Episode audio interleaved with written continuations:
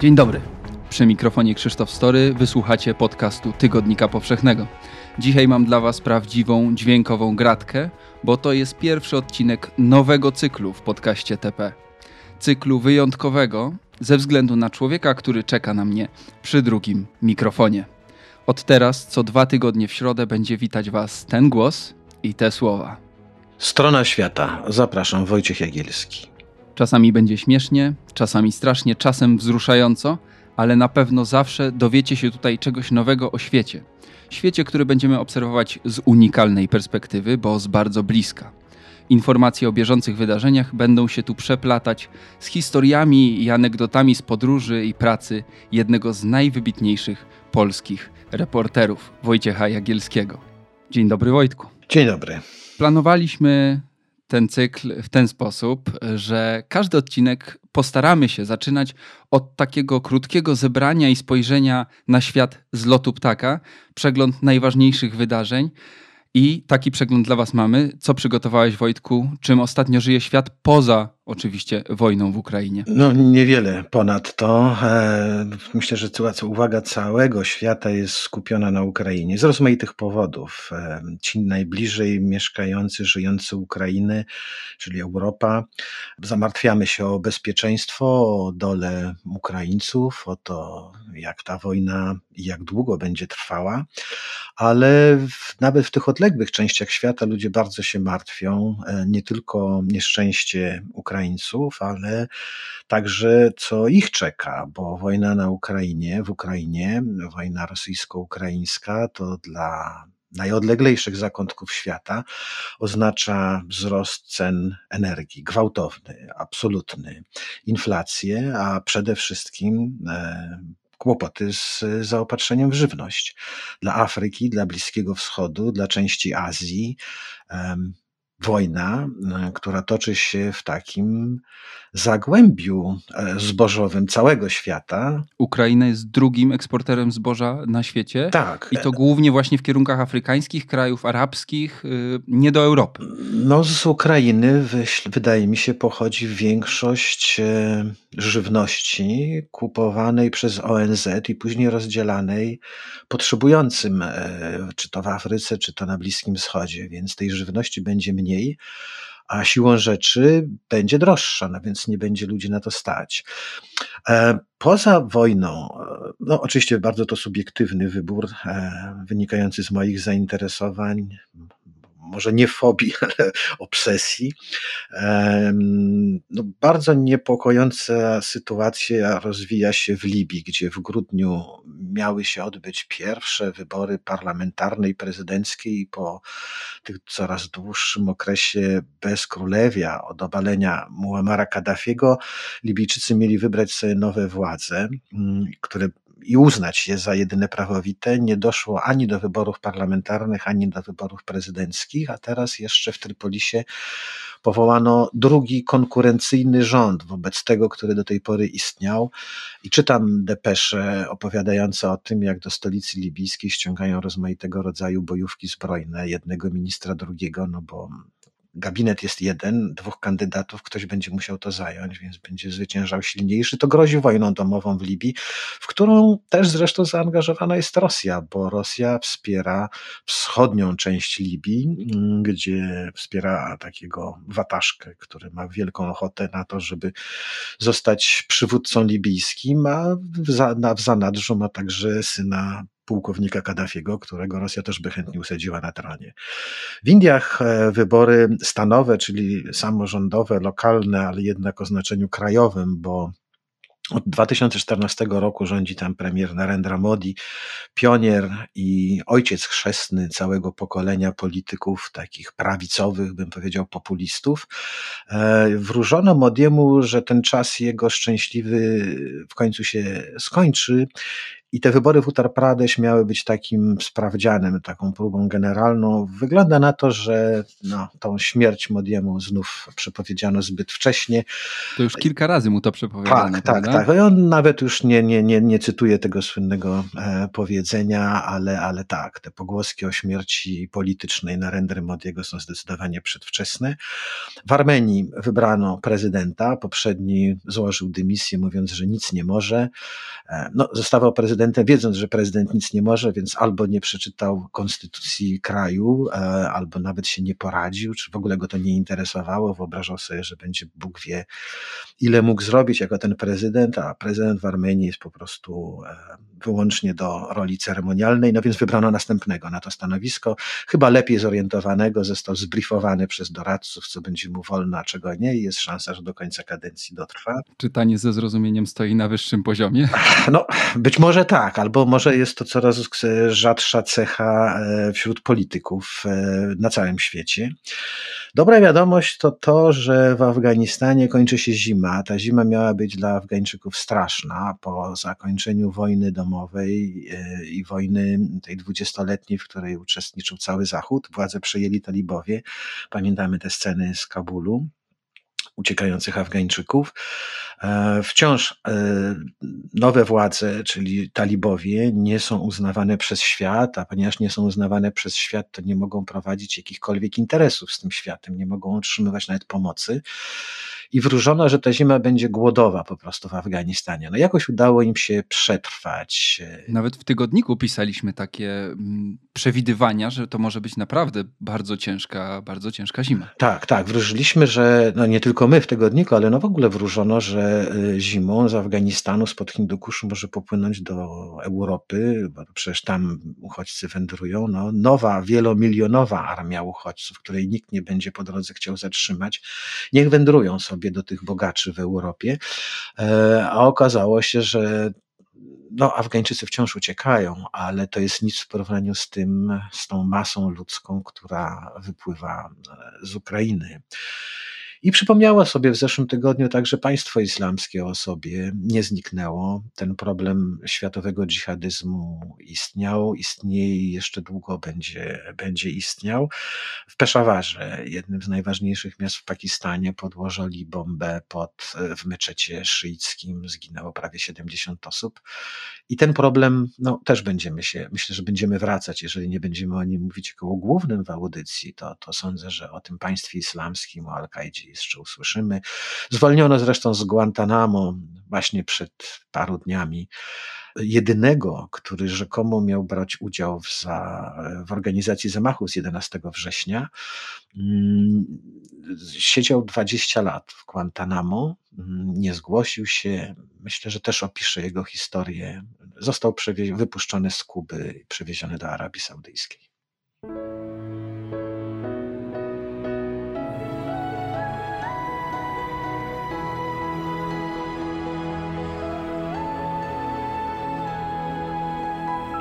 Podcast powszechny.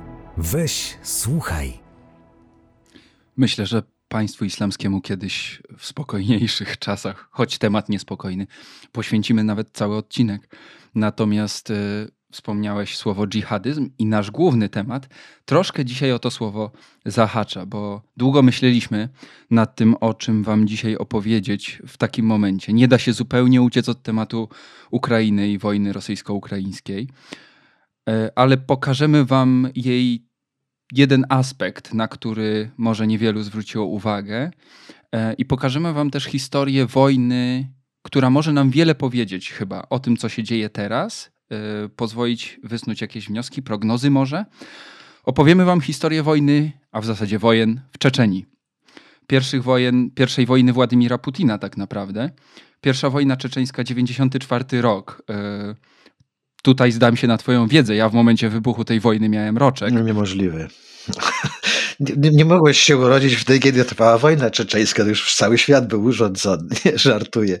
E, czasami mi się tak wydaje, że rzeczywiście e, roczniki, e, metryki kolegów są zupełnie trudne do pogodzenia się, ale tu miałem tak samo zdziwienie, przeżyłem sobie kiedyś, kiedy wyliczyłem, rozmawiając z kolegami o 11 września, że urodziłem się 15 lat po II wojnie światowej, czyli w zasadzie chwilę, chwilę po, po, po zakończeniu e, II wojny, a to wydawało się taką prehistorią. Więc coraz bardziej, coraz częściej wypada mi się godzić, że coś, co było częścią mojego, wydawało się niedawnego dorosłego życia dla, dla wielu takich jak ty, e, no jest to opowieść sprzed e, narodzenia, więc sprzed naszej ery. Ale to prawda. Ta pierwsza wojna czeczeńska to nie był jeszcze czas Władimira Putina. On się kompletnie nie liczył. Nikt nie znał go. No, no oczywiście parę osób go znało, ale w, na, w takim, na scenie politycznej, tej poważnej, wielkiej, był kompletnie nikim. Nie było go po prostu. Wszedł na nią dopiero w 1999 roku, kiedy zaczynała się druga wojna czeczeńska. W zasadzie mówiło się, że ta wojna miała posłużyć tej wielkiej karierze. Dzięki wojnie w Czeczenii Putin miał za, zostać zaprezentowany Rosjanom jako nowy rodzaj przywódcy. No jego wizerunek, od, wojnę, jego wizerunek od początku opierał się na sile, więc tak, i to takiej, e, później on spróbował sobie tą siłę i ten wizerunek modelować. Bardziej judoka, jeździec, kulturysta, ćwiczący, pokonujący konno jakieś tam górskie potoki czy pustynie, ale wtedy, w tym 99 roku, zwłaszcza jego leksykon, bo, bo swoją postawą raczej rozczarowywał niż e, wprawiał w jakiś podziw czy, czy, czy, czy, czy lęk. Pamiętam te zdjęcia, z, e, kiedy on obejmował prezydenturę. To był grudzień 99 roku i, i wojna w Czeczeniu już trwała na dobre. Mm, te wielkie drzwi kremlowskie otwierane przez e, żołnierzy i za tych drzwi wychodzi taki, taka postać um, skrzat niemalże. Zwłaszcza jak się pamiętało Borysa Jelcyna, który był potężnie zbudowanym mężczyzną. No, no, no, Putin w porównaniu z Jelcynem przypominał boksera wagi muszej, e, który kroczy do dekoracji z bokserem wagi ciężkiej. Oczywiście Boris Jelcyn już nie był politykiem tego kalibru i wszyscy chyba nie mogli się doczekać, kiedy on z tej sceny zejdzie. I on utorował drogę Putinowi, nieznanemu e, politykowi z Petersburga, którego najpierw zrobił premierem, E, I jako premier właśnie e, za premierostwa Putina zaczęła się wojna czeczeńska. Pierwsza wojna czeczeńska, którą Rosjanie przegrali, bo nie wygrali, no była dla Rosji kolejnym upokorzeniem. Przegrali już nie zimną wojnę z supermocarstwem, z Ameryką, z Zachodem. E, przegrali wojnę, bo nie wygrali. Nie potrafili pokonać nawet tej garstki Czeczenów. No, przegrali de facto z małą, przygraniczną mm, Gruzji prowincją no, nawet nie z niepodległym krajem, jak Gruzja, gdyby to była z Gruzją wojna, czy z Litwą, tylko no, z, z, własnym powiatem. No to, to jest tak, jakby wojsko jakiegoś państwa nie było w stanie zaprowadzić porządku, czy, czy, czy, czy, czy przestrzegania, zmusić do przestrzegania prawa mieszkańców jakiegoś, jakiejś gminy, bo Czeczenia dla Rosji to jest tak mniej więcej jak dla Polski któraś z gmin rozrzuconych. W dodatku przegrali ponosząc straszliwe straty. Y, Rosjanie pamiętali i wracają pamięcią do noworocznego szturmu na Grozny w 1994 roku, gdzie minister obrony po pijanemu ponoć posłał do, do szturmu na miasto w noworoczną e, noc, sylwestrową noc kolumny czołgów, które zostały zmasakrowane przez czeczeńskich partyzantów, które polowali na nich, jak na, na te czołgi, jak na oślepione zwierzęta, błąkające się po tych ulicach Groznego, na apokaliptyczne absolutnie sceny. Zresztą w ogóle ta wojna czeczeńska, to, to, to tych apokaliptycznych scen miała aż nadmiar, bo druga była zupełnie inna. No w każdym razie po tych upokorzeniach wywołanych, spowodowanych upadkiem Związku Radzieckiego, przegraną wojną w Czeczeni, utratą roli supermocarstwa, e, upadkiem gospodarki, biedą, e, tą kompradorskim kapitalizmem, e, no upadkiem wszystkiego, co stanowiło ich życie, Rosjanie dostali jeszcze na prezydenta Borysa Jelcyna, którego się wstydzili, który z czasem popadał w coraz bardziej ostentacyjne te pijaństwa i było widoczne przecież, pojawiał się z oficjalnymi wizytami, więc oni marzyli o kimś, kto, kto powie dosyć, dość, teraz już tak dalej nie będzie. No więc pojawił się Władimir Putin, który rozpoczął wojnę w Czeczeni. On rozpoczął tą wojnę, a nie Czeczeni. E, owszem, w Czeczeni może nie działo się za dobrze, ale Czeczenia nikomu nie zagrażała. W 1999 roku mijał właśnie trzyletni czas tak takiego bezwojnia, po którym Rosjanie i Czeczeni mieli wrócić do stołu negocjacyjnego i rozmawiać, jak sobie ułożyć stosunki. No więc zanim ten termin przyszedł, to Putin najechał na Czeczenię, powołując się na za pretekst e, dla rozpoczęcia wojny e, wykorzystał zamachy bombowe w Moskwie i w Wołgodońsku, najazd e, czeczeńskich partyzantów na sąsiedni Dagestan. O tych zamachach się zresztą mówiło, że one były przeprowadzone i zorganizowane przez FSB rosyjskie jako właśnie pretekst, tak. jako operacja fałszywej flagi. To prawda. No to jest może kwestia, co można sobie wyobrazić. Ja sobie do dziś nie jestem w stanie wyobrazić e, przywódcy państwa, który posyła służby specjalne powołane do ochrony tego państwa, jego obywateli, który wydaje im rozkaz, żeby e, poświęcić 100, 200, 300, przecież ilu to tak na dobrą sprawę nie mógł wiedzieć, iluś tych rodaków po to, żeby mieć pretekst do czegoś większego. Więc póki te dowody nie zostaną w jakiś sposób, nie wiem, ujawnione, upublicznione, to ciężko mi jest uwierzyć, że, że coś takiego było możliwe, ale mówiło się o tym rzeczywiście od samego początku, że te zamachy, że te zamachy w jakiś sposób były zbyt wygodne dla Kremla do rozpoczęcia tej wojny, żeby odzdarzyły się od tak. To nie musi zresztą zamachu, jeżeli to miała być prowokacja, nie musi jej wyko wykonywać e, jakiś oficer którejś ze stajnych służb. Wystarczy, że stworzy taką sytuację, że ktoś inny będzie chciał skorzystać z, te, z niej, a on odwróci w tym czasie wzrok, będzie obserwował inną piwnicę czy sąsiednią ulicę. No, więc nie wiem. W każdym razie te zamachy, plus ten zajazd na Dagestan, plus zresztą Później myślę, że to też bardzo przysłużyło się Kremlowi. W sierpniu 1999 roku w Dagestanie zostały uprowadzone dwie polskie uczone. E, później wylądowały w Czeczeni. I zostały uwolnione w końcu po pół roku. No ale dostał Putin jakby pretekstów do rozpoczęcia wojny mnóstwo. Do wznowienia w zasadzie wojny, bo pierwsza wojna skończyła się po dwóch latach w 96 tak, roku. w 96 roku, a minęły trzy lata i, i, w zasadzie o czym Putin powiedział, o czym z tymi Czeczenami ma, będziemy rozmawiać, nazwał ich bandytami, no bo bandyckie rzeczy, zamachy bombowe, porwania, e, awanturnicze najazdy na sąsiednie kraje, Wtedy powiedział no, takim knajackim językiem, że będziemy tych bandytów ścigać i znajdziemy ich nawet w kiblu, dostaniemy ich nawet w kiblu.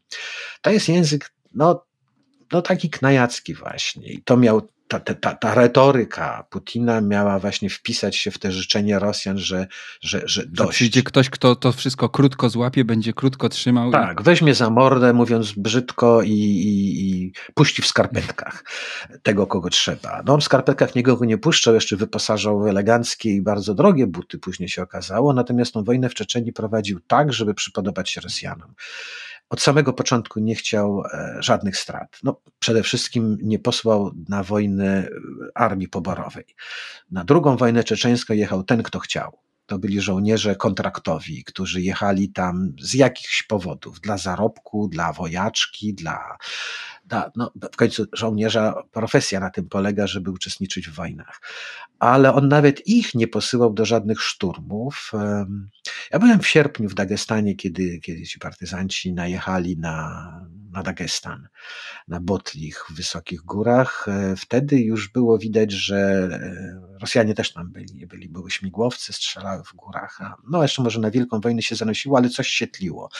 Ale jesienią byłem w Czeczeni kiedy w zasadzie Czeczeni już się przygotowywali do wojny. I oni też wierzyli, albo może mieli nadzieję, że ta wojna będzie się odbywała tak jak poprzednim razem. Szykowali się do obrony Groznego. Grozny był ufortyfikowany, ci wszyscy skłóceni ze sobą czeczeńscy komendanci, wszyscy poszli karnie pod e, przywództwo Asłana Maschadowa. Nawet Arabowie, których spotykałem wtedy w Groznym z, Al-Kaidy, też e, słuchali Maschadowa i czekali na jego rozkazy, ale Rosjanie w ogóle do szturmu się nie zamienili. Nawet nie myśleli o jakimkolwiek szturmowaniu Groznego. Rosjanie e, niszczyli kolejne pasy obronne czeczeńskie nawałą ogniową. To była artyleria, lotnictwo, które równały wszystko z ziemią. Dopiero potem czołgi czy tam piechota i zajmowały to, co co zostało zburzone i, i, i, i zajmowały się pacyfikacją tych, którzy nie przeżyli i nie, i nie uciekli. I tak ta wojna została przez Putina wy, wy, wygrana. Kiedy został, był zaprzysięgany na prezydenta, w zasadzie y, już wojna była zwycięska, już było to wiadome. Miesiąc później ostatni partyzanci z Maschadowem na czele uciekli z Groznego w górę i w zasadzie było tak się ta wojna skończyła. Pierwsza trwała dwa lata, druga pół roku najwyżej. Ty na tej wojnie byłeś. Wczytałem się w twoje archiwalne teksty, które wtedy przysyłałeś e, z, do Gazety Wyborczej. E, jako korespondent wojenny. Twoje opisy wtedy Groznego to jest coś niesamowitego. To jest coś, co mi, y, jako człowiekowi, który miał wtedy 6 y, lat, jest w ogóle ciężko sobie wyobrazić. To jest, y, zacytuję fragment, bo, bo, bo muszę. Hmm. Na rogatkach Groznego zwolniliśmy, a Czeczeni uchylili okna w samochodach i wysunęli lufy karabinów. W ciepłym jesiennym słońcu nawet wąwozy z gliszcz i rumowisk sprawiały wrażenie budzących się do życia pełnych wigoru i nadziei. Zmierzch zmieniał jednak szybko tonację i klimat, a zburzone miasto znów stawało się upiornym cmentarzyskiem cywilizacji. Pozbawione prądu ruiny znikały w gęstej ciemności. Nie rozpraszały jej nieśmiałe ośniki świec ani naftowych lamp, tylko światła e, samochodowych reflektorów. Ty opisujesz Grozny jako miasto apokalipsy. To jako miasto po prostu, które zostało wbite w ziemię. No, to jeszcze, to, te, ten Grozny, o którym opowiadałeś, znaczy moimi słowami, to był Grozny z jesieni 99 roku. Ja potem przyjechałem na wiosnę 2000 roku e, żeby przeprowadzić wywiad z Asłanem Maschadowem. To miał być pierwszy wywiad, jakiego Maschadow udzielił w ogóle jakiejkolwiek prasie. E, zostałem w zasadzie zaproszony do niego w góry, ja jako gazeta wyborcza, przecież nie ja jako ja, chociaż znaliśmy się. Ukrywałem się, bo przejechałem nielegalnie, więc e, tę tą, tą wizytę w Groznym też zorganizowałem nielegalnie, aczkolwiek wieści mnie rosyjscy żołnierze, więc to tak ta wojna trochę się toczyła, że ci, którzy mieli pilnować, żeby tacy jak ja tam się nie dostali, za pieniądze obwozili mnie po mieście. I ja Grozny dosyć dobrze, no dobrze, no ale znałem, bo bywałem tam wcześniej. Ten Grozny, który, o którym czytałeś, to był Grozny zniszczony w pierwszej wojnie mocno zniszczony. To rzeczywiście było jak apokaliptyczne miasto. Ale po tej nawałnicy ogniowej z II wojny, ja wjechałem z tymi Rosjanami do kom miasta kompletnie zburzonego, zrównanego z ziemią. Um, czułem się tak, jakbym wjeżdżał w starą fotografię mm, ze zburzonej Warszawy w 1944 roku żadnego punktu orientacyjnego, żadnego wysokiego budynku, żadnego komina. W ogóle to jest trochę tak, jak czasami chodzi się po lesie i w lecie, kiedy są drzewa mają liście, jest zielono, nie widać ukształtowania terenu, a przychodzisz w to samo miejsce zimą i widzisz, że to jest wszystko pofałdowane jakieś. Więc to miasto było dla mnie czymś zupełnie innym. Coś, gdzie kiedyś była, wydawało mi się, że jest jakiś wąwóz czy dolina, teraz było płaskie. Poprosiłem ich, e, no ten choćby jakiś punkt orientacyjny. Takim charakterystycznym punktem był plac Minutka e, w Groznym. Minutka się nazywał dlatego, że tam stawały te mhm. mikrobusy, zatrzymywały się na chwileńkę, brały pasażerów i jechały dalej. To jedna z wersji, dlaczego tak się nazywało. Mhm. Ładna nazwa, nie wnikałem dlaczego. No więc poprosiłem ich, jedźmy na tą minutkę. Oni na mnie patrzyli, właśnie żeśmy stamtąd przejechali. No więc nawet tak charakterystycznego miejsca nie rozpoznałem, na którym bywałem no, no wiele, wiele, wiele razy. To było miasto zrównane z ziemią. I ja nie widziałem nigdy czegoś podobnego, nie widziałem nigdy mm, bezwzględności wojennej wobec ludności cywilnej, takiej jak tam w Czeczeni. Brałem poprawkę, że być może to w Czeczeni wygląda tak strasznie, bo ta Czeczenia jest taka maleńka. E, Czeczenie można było przejechać w ciągu dnia z północy na południe i ze wschodu na zachód i na wieczór zdążyć jeszcze na kolację, wcale nie spóźniony. Um, ale nie, to nie była, to nie była kwestia terytorium, to była kwestia, to był zaplanowany sposób prowadzenia wojny, zastraszenia, złamania, za demonst takiej demonstracji siły swojej potęgi, takiego powiedzenia: bójcie się mnie, Bójcie się mnie, bo ze mną nie ma żartów. Nie zadzierajcie ze mną, bo źle to się dla was wszystkich skończy. Wtedy adresatem tego komunikatu nawet nie byli Czeczeni, byli raczej Rosjanie. E, właśnie Putin się przed nimi popisywał, że oto jakiego będziecie mieli. Silnego władcę. Tak. Uprawiam judo, mam czarny pas, jestem e, oficerem KGB. Dla Rosjan bycie oficerem KGB, e, dla Rosjan bycie oficerem KGB to było czymś zupełnie inne, inne niż dla nas, jak ktoś był oficerem UB czy Służby Bezpieczeństwa. Oficer KGB to dla większości Rosjan był taki ichni James Bond, Superman, dokonujący niezwykłych rzeczy. Putin oczywiście nigdy takich zadań specjalnych nie miał, ani nigdy takiej kariery w tym KGB nie robił. Nigdy nie był Jamesem Bondem, ale na takiego się kreował i Rosjanom bardzo taki nowy przywódca się spodobał. Muszę teraz zadać jedno pytanie. Czy taki sam los może czekać Kijów? Taki sam pewnie nie, choćby ze względu na terytorium, na, na, na, na, na rozmiar. No, Kijów to jest miasto większe niż w 1999 roku była cała Czeczenia. Nie da się chyba tak e, zniszczyć miasta. Nie wiem też, czy o to Putinowi chodzi. Nie wiem, o co mu chodzi. Natomiast widzę, że od jakiegoś czasu mm, przestał, przestali Rosjanie ceregielić się z ludnością cywilną. W Ukrainie, z tymi miastami. Ostrzeliwują już nie tylko lotniska, nie tylko obiekty składające się na infrastrukturę ukraińskiego państwa, już nie tylko infrastrukturę wojskową, ale, ale po prostu, żeby złamać przeciwnika, zastraszyć go, zmusić do ucieczki. Więc nie wiem, czy to jest taki plan, ale, ale tak to się w rzeczywistości odbywa. Natomiast w Czeczenii w tym 99 roku widać było wyraźnie, że takie jest założenie. Tak ma to być. To była wojna, która się przelewała, może nie przelewała, raczej wspinała z tych rosyjskich równin coraz wyżej, coraz wyżej, pamiętam, stanęła nad Terekiem e, i jakiś czas Rosjanie tam stali. To jest rzeka graniczna. Mhm. Myśmy na ten Terek jeździli, bo, bo, bo jeździłem wtedy z Krzysztofem Millerem, z fotoreporterem. Przez jakiś czas byliśmy przekonani, że Rosjanie dalej nie przejdą, że zadowolą się tą północną częścią Czeczenii, do rzeki. Tak jak dziś wiele osób e, zastanawia się, czy, czy Rosjanie staną nad Dnieprem i zabiorą sobie to, co jest na wschód od Dniepru, bo po co im tam więcej?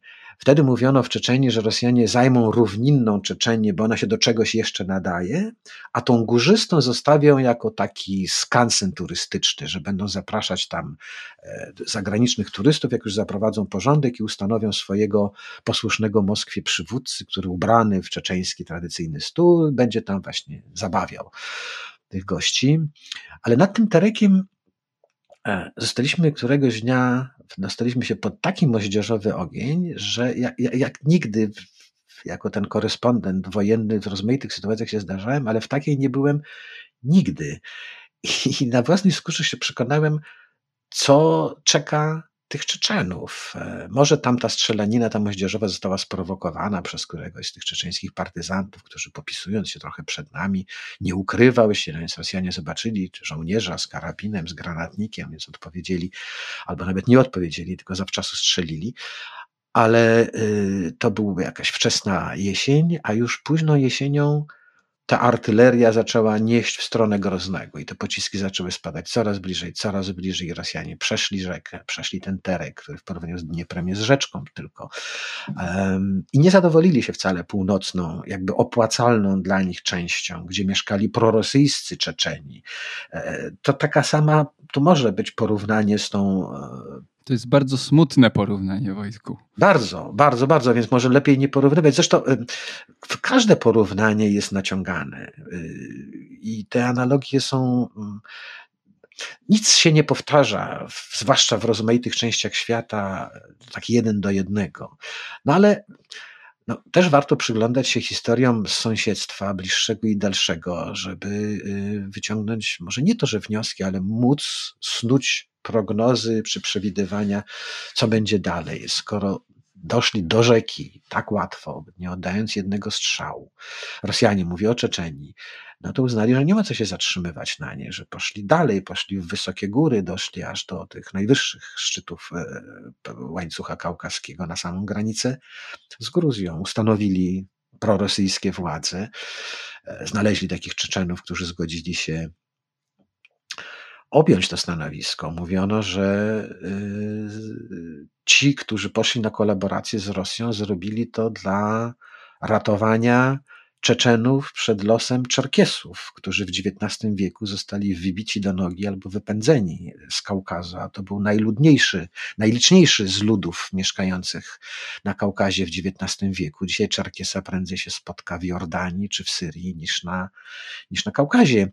I Czeczeni y, wiosną 2000 roku, pierwszego czy drugiego, no, widzieli, że jest ich coraz mniej, że giną tysiącami, tysiące uciekają z Czeczeni. Nigdy tylu Czeczenów nie uciekło z gór, jak, jak właśnie wtedy uciekali do Polski. Tak jak dziś Ukraińcy. E, I wierzyli, byli pewni, że w Polsce wszyscy czekają na nich z otwartymi ramionami i udzielą im pomocy, i jakiś czas udzielali.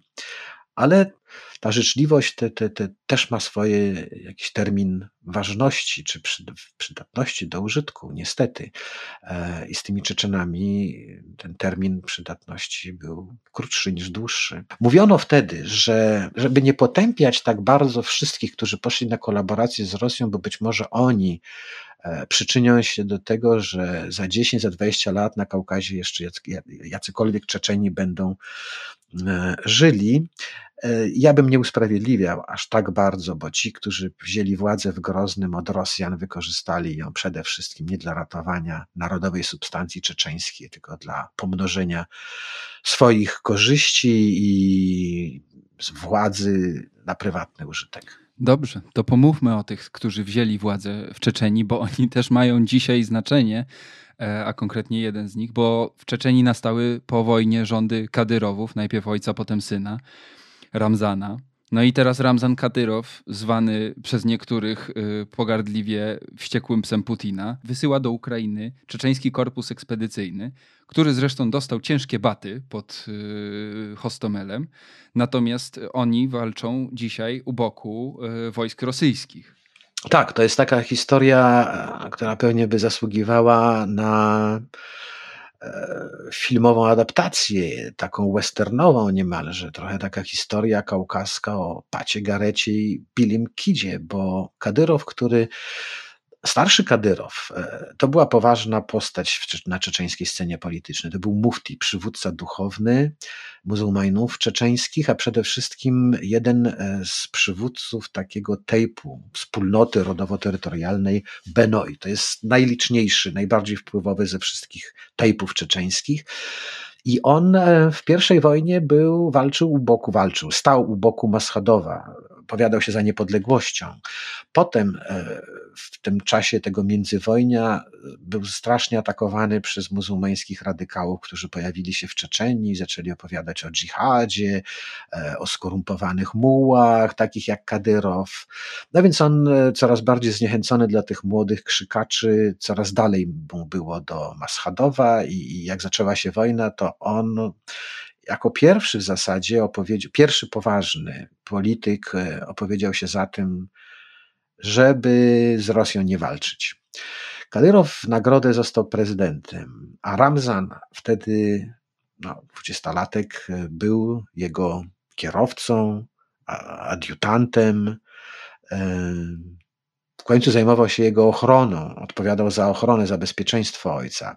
To legendy, które później Kadyrow też tworzył, jakim to on był partyzantem w tej pierwszej wojnie. Nie mógł być, był, był, był młodym chłopakiem, zbyt młodym, żeby, żeby, żeby, żeby zapisać się jakieś tutaj swoje zasługi, mieć bojowe.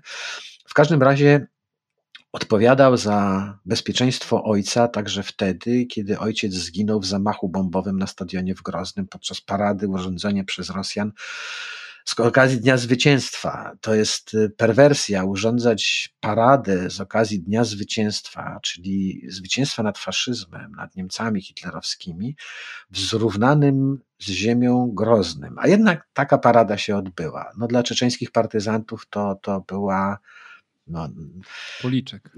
W zasadzie tak, w zasadzie było wiadomo, że tam musi dojść do zamachu bombowego. I ojciec zginął. Ramzan był wstrząśnięty. Był po prostu.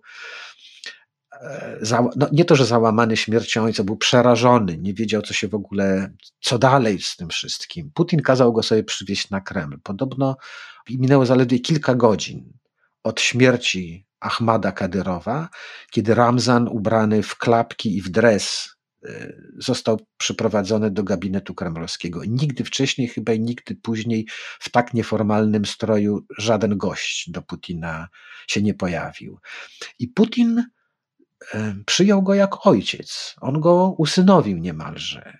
E, on go zrobił faktycznym przywódcą Czeczenii, opiekował się nim, ojcował mu.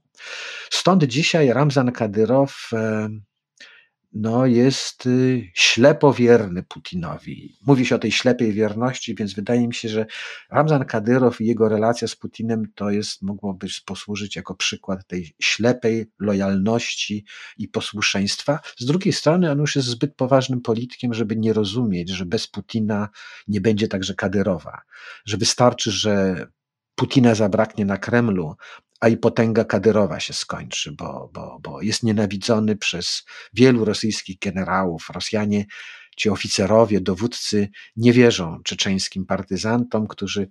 No więc właśnie, i tu jest ta historia z tego Patagareta i Bilego de Kida, bo armia Kadyrowa dzisiaj, dzisiejsza, zaczęła się od propozycji do odrzucenia, które składał czeczeńskim partyzantom z gór.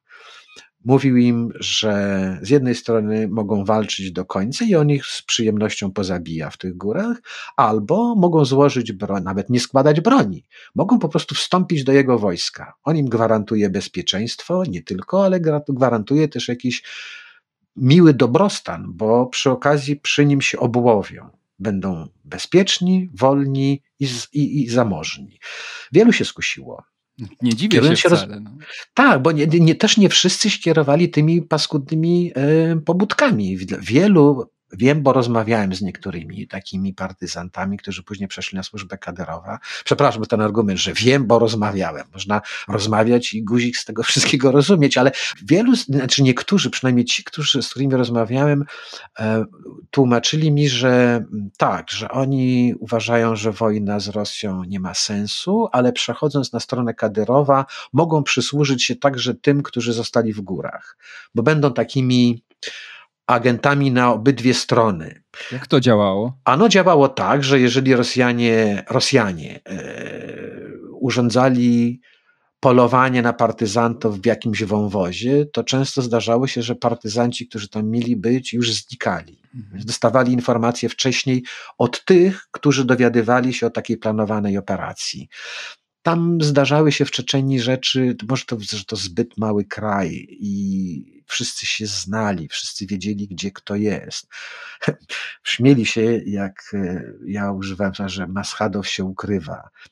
Oni wiedzieli, gdzie Maschadow się ukrywa. Znaczy, no, za mało. Te, za, za, poza tymi wysokimi górami, to, to wszystko, co było na przedgórzu, było, było, było znane, więc w jakiś sposób też no, wielu z nich przysługiwało się tym swoim towarzyszom w górach, ale finalnie walczyli z nimi i wybili ich, zlikwidowali.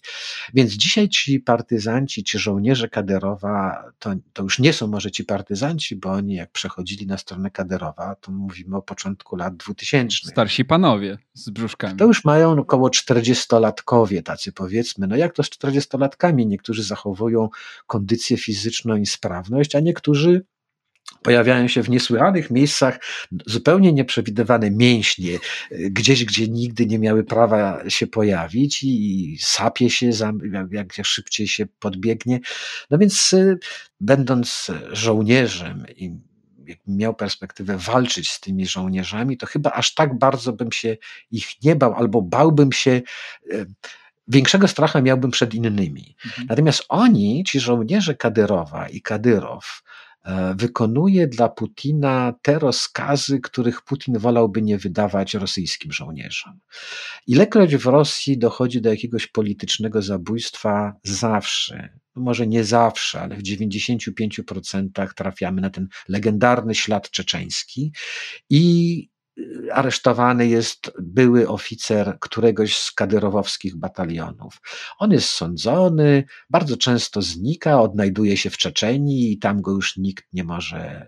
No właśnie, Ramzan Kadyrow, jak ojciec chrzestny, gwarantuje bezpieczeństwo. Poza tą Czeczenią to tak, tacy, tacy, tacy killerzy są, e, nie mogą się czuć bezpiecznie, ale w Czeczenii mogą. Czy to jest facet od brudnej roboty? Tak, e, od brudnej roboty, od opowiadania rzeczy, których nawet Putinowi opowiadać nie wypada, e, i od robienia rzeczy, których też wolałby, żeby Rosjanie nie robili. A powiedz mi, czy on ma jakąś niezależność dzisiaj, czy on jest totalnie zależny od Władimira Putina. Według mnie jest całkowicie zależny od, od, od Władimira Putina, natomiast y, no, to też nie jest człowiek nieprzytomny i on, Ramzan, koło pięćdziesiątki już dzisiaj y, liczy, więc ten zabezpiecza się, że po pierwsze, no Putin jest jednak od niego starszy o 20 lat. Nawet jeżeli Putin przeszedłby na polityczną emeryturę, to Ramzan by jeszcze sobie trochę tym przywódcą czeczeńskim pobył. No, pięćdziesiątka dla polityka to w ogóle y, czas młodzieńczy, więc y, stara się oczywiście wygospodarować sobie tyle tej niezależności, ile by mógł, ale to, że nie sprawuje żadnego stanowiska federalnego, i nikt mu tego stanowiska nie chce powierzyć. Nie jest posłem do Dumy, nie jest senatorem, nie jest wiceministrem, nie jest generałem wreszcie. No przecież mógłby być choćby tym generałem w rosyjskim wojsku czy w policji. Świadczy o tym, że w Rosji jest y, ogromna niechęć do tego, żeby przyjmować takiego Ramzana Kadyrowa w swoje szeregi. On jest y, przydatny, chętnie się nim posługują, natomiast za swojego go nie mają. I Ramzan doskonale to wie, że w momencie, kiedy straci swojego głównego protektora na Kremlu i nie znajdzie nowego natychmiast, natychmiast, no to, to, to będzie musiał obawiać się nie tylko o swoje królestwo, ale jak to zwykle bywa i o życie. E, w dodatku w Czeczenii od samego początku tych czeczeńskich wojen Rosjanie walczyli owszem z Czeczenami, Czeczeni walczyli między sobą, ale także rosyjskie mm, resorty konkurowały między sobą. E, Ministerstwo Obrony bardzo nie lubiło się z Ministerstwem Spraw Wewnętrznych. Ministerstwo Spraw Wewnętrznych krzywo patrzyło na Federalną Służbę Bezpieczeństwa. Federalna Służba Bezpieczeństwa nie widziała nic drożnego w tym, żeby z Ministerstwem Obrony knuć, kto będzie miał więcej do powiedzenia przeciwko Ministerstwu Spraw Wewnętrznych. Więc dzisiaj górą jest jakby Ministerstwo Spraw Wewnętrznych. E, wszystkie bataliony Kadyrowa podlegają formalnie Ministerstwu Spraw Wewnętrznych ale ta kolumna pod Kijowem, kaderowa, została rozstrzelana w proch przez Ukraińców ponoć dzięki informacji, które zostały im przekazane przez rosyjskiego oficera z Federalnej Służby Bezpieczeństwa. Czy on to zrobił, chcąc jedynie uniknąć przelewu słowiańskiej krwi, czy też, żeby zaszkodzić Kadyrowowi, Czeczenom, czy też konkurentowi z Ministerstwa Obrony, tego się pewnie nigdy nie dowiemy, ale takie są fakty i tak też ta wojna w Czeczeniu Się też toczyło. Ta kolumna została rozstrzelana zresztą w bardzo taki y, sposób, który mi się skojarzył z opisami y, wojny w Czeczeni. To znaczy jedzie konwój, atakuje się pierwszy i ostatni pojazd. Unieruchamia się kolumnę i potem się rozstrzeliwuje. Tak, i później się strzela jak na strzelnicy. To, to, to fatalnie to brzmi i broń Boże, nie chciałbym, żeby ktokolwiek tutaj odebrał, że, że, że jakieś żarty się z tego robi, bo to chodzi o ludzkie życie. Natomiast tak, tak, tak, tak, tak Czeczeni walczyli z Rosjanami. Niestety takie są realia. Ty byłeś e, na tej wojnie czeczeńskiej. Z opisów to było bardzo niebezpieczne środowisko pracy. Nawet w standardach korespondenta wojennego. Nie wiem, czy ty to tak odczuwasz? Tak, dla mnie mm, czasami e, na spotkaniach autorskich e, padają pytania, czy mam jakieś kraje, do których chciałbym wrócić, czy za którymi tęsknię. I w zasadzie pewnie wymieniałbym większość z tych krajów, którymi zajmowałem się, tych moich podopiecznych. Ja zajmowałem się Afryką i kawałem południowej, południowej Azji. E, łatwiej mi jest wymienić kraje, do których bym nigdy więcej nie chciał wrócić, i to jest w zasadzie jeden, to jest właśnie Czeczenia. Każda podróż do Czeczenii dla mnie oznaczała zagrożenie, to nawet nie zagrożenie, bo zagrożenie, no jak jechałem na wojnę, no to wiedziałem, że to jest y, sytuacja no, niebezpieczna, że, że ta wojna toczy się nie tylko między dwoma armiami, ale ja jako świadek dobrowolny jadący na tą wojnę jestem tak samo zagrożony jak żołnierze z nieprzyjacielskich armii, ale w Czeczenii E, to wszystko było jeszcze bardziej skomplikowane, bo dla swojego bezpieczeństwa musiałem płacić za ochronę ludziom, którzy akurat taką usługę świadczyli. Nigdy nie byłem pewien i nie mogłem być pewien, czy nie pojawił się ktoś, kto mnie nie przelicytował i w dodatku pozbawiając mnie e, głosu w tej zagrywce, bo ja może, oni też nie wiedzieli, że może mam jeszcze drugi portfel, z którego mógłbym dać dużo więcej. Tego nigdy nie wiedziałem, więc zaczynałem dzień wierząc, że są to ludzie mi życzliwi, a zresztą to nigdy zawsze wiedziałem, że to nie jest nic osobistego, że to jest tylko biznes, jeżeli już. Przyszedł ktoś, kto dał więcej, no i trudno, trzeba było od razu dawać więcej. E, ale to też mi się z tym kojarzyło. Ta ochrona, która może być zagrożeniem, te teorie spiskowe, to, że mm, pamiętam prawie półtora miesiąca siedziałem w jednej z czeczeńskich wsi, czekając na wyjazd z Maschadowem, ukrywając się. Wyprowadzano mnie po ciemku na spacery, trochę jak psa, żeby mnie ludzie nie wiedzieli, a jednocześnie wiedziałem, że oni wszyscy wiedzą, gdzie jest ten Maschadow i co się dzieje. I w końcu tak do niego przyjechałem, że jak mój gospodarz się zdenerwował na tego Maschadowa, że tak zwleka, to zapakował mnie do swojej wogi, pojechał zatrzymaliśmy się na podwórzu chałupy, gdzie, gdzie ukrywał się Maschado, więc oni wiedzieli. E, zagrożenie ze strony i jednych, i drugich. Przecież porywano ludzi dla okupu. Nikt nie wiedział dla kogo, czy to jest tylko kwestia zarobku, czy to jest zlecenie polityczne. Więc ta Czeczenia była i to okrucieństwo, które tam, tam temu towarzyszyło, ta bezwzględność. To nigdzie się nie naoglądałem tyle rzeczy strasznych, co, co w Czeczeni i no tak, jeżeli wypieram coś, to, to raczej bym tą Czeczenię wypierał sobie z pamięci, aczkolwiek nie wypieram, dlatego że to jest takie memento dla mnie, chyba najbardziej. Tam się najbardziej, tam najbardziej zrozumiałem, jaką iluzją jest przekonanie, jest wiara w to, że wojna może stoczyć się gdzie indziej, ale nie u mnie przecież. Pamiętam podróże pierwsze do Groznego w 90-91 roku, kiedy już Czeczeni magali się niepodległości, Rosja groziła wojną i o tej wojnie często żeśmy przy kolacjach rozmawiali i ja mówiłem, mówiłem ja o wojnie, a oni wzruszali ramionami, oburzali się, mówię, ty uważasz, że my jacyś dzicy ludzie jesteśmy, że my, wojna u nas, między nami a Rosją, to nie Afryka, mówili. A potem śmiali się ze mnie, jak przyjeżdżałem w tym 2000 roku i Siadając do kolejnej kolacji w innej kuchni, e, wstawałem, żeby wejść do łazienki, umyć ręce i wchodząc do łazienki za każdym razem dotykałem kontaktu, żeby światło się zapaliło, chociaż światła nie było tam już od dwóch lat. I oni wiedzieli, że ja to zrobię i ze mnie się śmieli, że ja jestem taki z zachodu, co to przychodzi i wie, że trzeba to białe nacisnąć, żeby się światło zrobiło. A światła nie ma. I, i, i nie będzie światła. I, I ta wojna była dla nich z jednej strony takim samym zaskoczeniem, a z drugiej strony tak szybko się do tej wojny przyzwyczajali. Nie akceptowali jej, ale wiedzieli, że tak przyjdzie im żyć. No i dzisiaj myślę, że to się staje ta fatalna rzeczywistość troszeczkę losem naszych sąsiadów już, Ukraińców. E, więc tego wszystkiego ta Czeczenia mi to jakby uświadomiła, że nie ma nic na zawsze, że te najgorsze nieszczęście, które wydaje nam się, że może się dziać tylko gdzieś bardzo daleko, daleko od nas i do nas nigdy nie przywędruje, Okazuje się, że można je spotkać na dworcu zachodnim w Warszawie, na dworcu głównym w Krakowie już dzisiaj. Nie oczywiście samo nieszczęście, ale można spotkać kogoś i porozmawiać e, o nieszczęściu, które stało się już jego udziałem, a my już go znamy, już go widzimy, może się nam przedstawić z imienia, z nazwiska, opowiedzieć swoją historię, że jest to tak bardzo blisko, więc staram się o tej Czeczeni nie wspominać, ale staram się też za wszelką cenę jej nie zapominać. Wojtku, wyszła nam rozmowa o wojnie sprzed 20 lat, która jest boleśnie aktualna momentami no i pełna takich porównań, które strach robić w ogóle.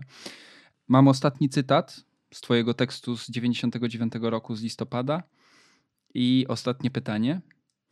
Najpierw cytat. Dopiero po apokalipsie miasto dorównało nazwie nadanej mu przed wiekami. Grozny, a więc groźny, straszliwy, przerażający.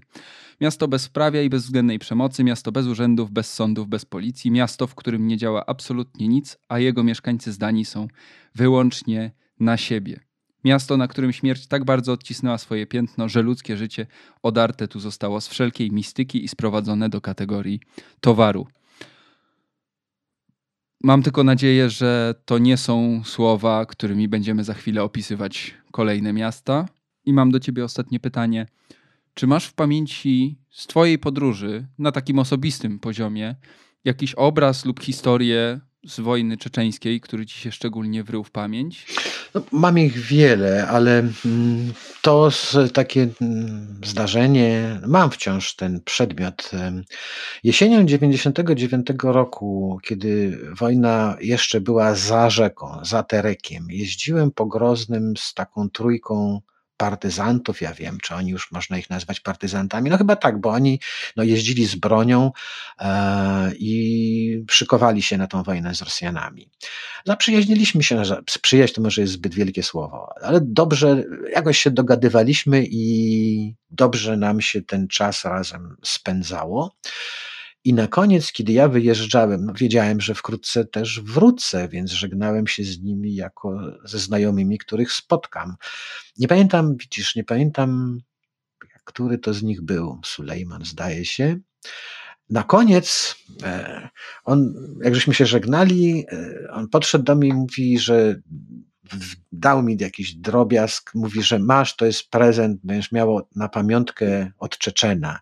I to był obcinacz do paznokci.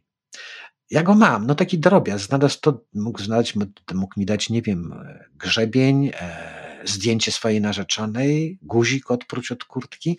Chciał, on chciał, żebym miał po nim pamiątkę, może nie pamiątkę, przecież wiedział, że nie jesteśmy przyjaciółmi. Miałem wrażenie, że chce zostawić po sobie jakiś ślad, żebym ja go zabrał ze sobą. I dla mnie ten obcinacz, który mam, mam parę, ja nie jestem gadżeciarzem, ale parę rzeczy takich, um, chyba głównie z tej Czeczeni, mam, z którymi się ciężko mi e, rozstać. Mam głos Maschadowa na takiej maleńkiej kasecie, którą on nagrał i mi przysłał. No i mam ten obcinacz do paznokci, bo nie, no, chyba pewnie tego Sulejmana już nie ma wśród żywych, ale mam wrażenie, że jakbym pozbył się tego obcinacza, no to bym go wyrzucił, bym go wykreślił z, nie tylko z mojej pamięci, jakby, że, że, że, że, że, że, że, że jego nie ma. A on w ten sposób chciał jakby. Przetrwać. Tak, no, tak, no, no to, to, to może śmiesznie brzmi, ale ja tak to odebrałem i dlatego ten obcinacz tak trzymam, który już mi się rozpadł e, i do niczego nie służy, leży w szufladzie, jak tam przewalam stare rzeczy, pamiętam, o, obcinacz od Sulejmana, czyli gdzieś ten Sulejman dalej, dalej jest, a przynajmniej pamiętam, że był. I to takie, takie, takie, myślę, że głównie takie, takie drobne rzeczy. Ale ten obcinasz do paznokci, ten, ten czeczeński podarunek chyba mm, zapadł mi bardzo. To też taka bardzo wojenna y, historia, mimo że pokojowa, sentymentalna wręcz.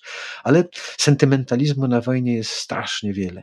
Teraz też to chyba widzimy wszyscy, e, bo są też jasne właśnie takie sentymentalne rzeczy, które się dzieją. To był pierwszy odcinek Strony Świata, cyklu, w którym co dwa tygodnie będziemy pokazywać Wam i opowiadać o najważniejszych wydarzeniach na świecie i będziemy się im przyglądać z bliska. Przy mikrofonie pierwszym Krzysztof Story, przy mikrofonie drugim Wojtek Jagielski. Dzięki wielkie Wojtku. Dziękuję, do usłyszenia.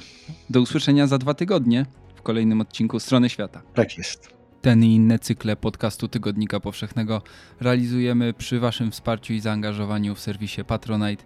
Jakby ktoś chciał dołączyć do zbiórki, zapraszam na patronite.pl ukośnik podcast Tygodnika Powszechnego. A za całe wsparcie bardzo dziękuję. Dzięki, że jesteście z nami. Słuchajcie nas dalej. Do usłyszenia.